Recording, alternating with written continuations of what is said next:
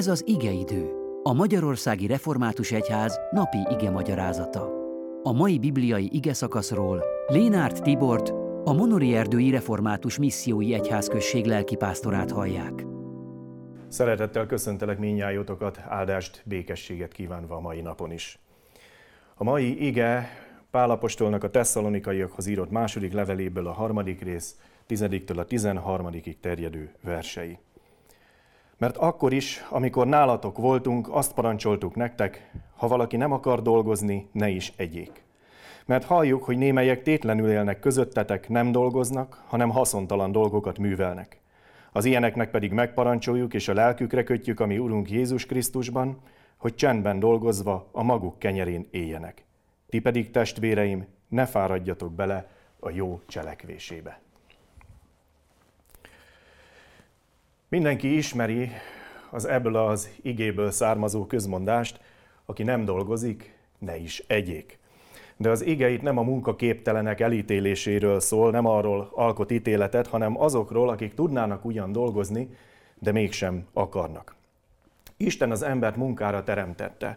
Nem arra teremtette az embert, hogy az édenkertben láblógad vagy gyümölcsöket egyen, hanem az édenkert őrzése és művelése volt a feladata, sőt, olyat is olvasunk a Teremtés könyvében, hogy uralma alá kellett hajtani az embernek az egész teremtett világot. Ez nyilván feltételezi, Isten teremtett világának a fenntartásában való munkálkodás feltételezi a munkát magát és a munkában való fejlődést. A teremtő munkatársai Isten képmása vagyunk, tehát dolgoznunk kell, ahogy Isten is munkálkodik. A bűn következménye, hogy a munka immár ahhoz szükséges, hogy az ember ne halljon éhen. Fárasztó és sokszor eredménytelen. Legyen a föld átkozott miattad, fáradtsággal élj belőle egész életedben. Tövist és bogáncsot hajtson neked, és a mező növényét egyed. Arcod verejtékével egyed a kenyeret. Így hangzik Isten ítélete az ellene lázadó ember ellen. Ezért ma az emberek többsége egész életében a nyugdíjas éveket várja. A Jézus Krisztus által megváltott és kegyelmet nyert ember számára azonban a munka, amellett, hogy továbbra is létfontosságú, már a hála eszköze. Ismét úgy tekint a munkájára, mint amivel Istennek segít, amivel Isten úgymond teremtő társává válik. Visszaáll a munkában is, a teremtett rendben, és az Isten által rábízott feladatként tekint a munkájára, bármi legyen is az, és azon belül akarja meghálálni Istennek vele közölt jóságát, szeretetét és kegyelmét. Hálából, mert új életet, örök életet nyert. A dolgozni nem akaró és haszontalan dolgokkal foglalkozó ember ebből kifolyólag hálátlan ember.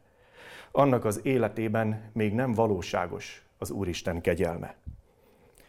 Bármi is legyen a munkád, lehetsz pénztáros egy boltban, buszvezető vagy tanár, gyári dolgozó vagy közmunkás, pék vagy informatikus, ápoló vagy orvos, bármi, Isten iránti hálából végezd ma is munkádat.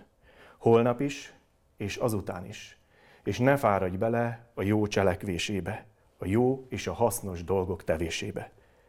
Mert az életed az túl rövid ahhoz, hogy haszondalan dolgokkal foglalkozzál. Az örök életért pedig, ami Urunk megérdemli a hálánkat, amit a munkánkkal is kifejezünk felé. Amen.